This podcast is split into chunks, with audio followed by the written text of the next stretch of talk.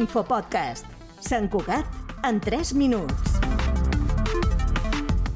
I vosaltres què fèieu quan teníeu 8 anys? En el cas del santcuatenc Àlex Rodés, participar en un talent show de televisió espanyola anomenat The Dancer. Aquesta va ser la valoració que va rebre per part del jurat. Hola Alex, buenas noches. Buenas noches.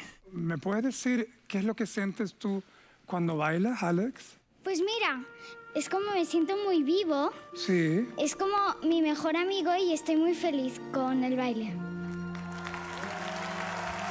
¿Tú eres feliz cuando bailas? Súper feliz. ¿Tú me prometes que vas a seguir bailando siempre, que siempre? Sí. Hem escoltat a dues icones del món de la dansa com Lola Índigo i Rafa Méndez que així van reaccionar després que el Sant Cuatenc interpretés a la seva actuació en aquest talent show. Rodés, després de dos anys, ara ja amb 10, s'ha convertit en un autèntic prodigi de la dansa que l'ha portat a tenir una agenda ben apretada.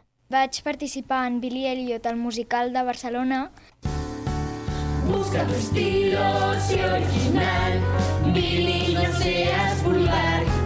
Em, he doblat Pinocho de Guillermo del Toro en català. És, és una marioneta! Soc un nen de veritat!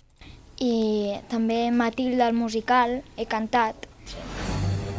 Esto no es una escuela, es una prisión. I coses d'aquestes vaig fent, vaig fent.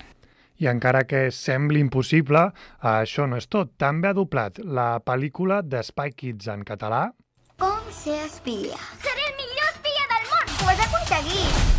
i és un dels protagonistes a la sèrie Les Invisibles, al costat de la Lolita Flores. ¿Y cuándo volverá? Estamos haciendo todo lo posible para que vuelva, para que vuelva pronto. Pero se acuerda muchísimo de ti.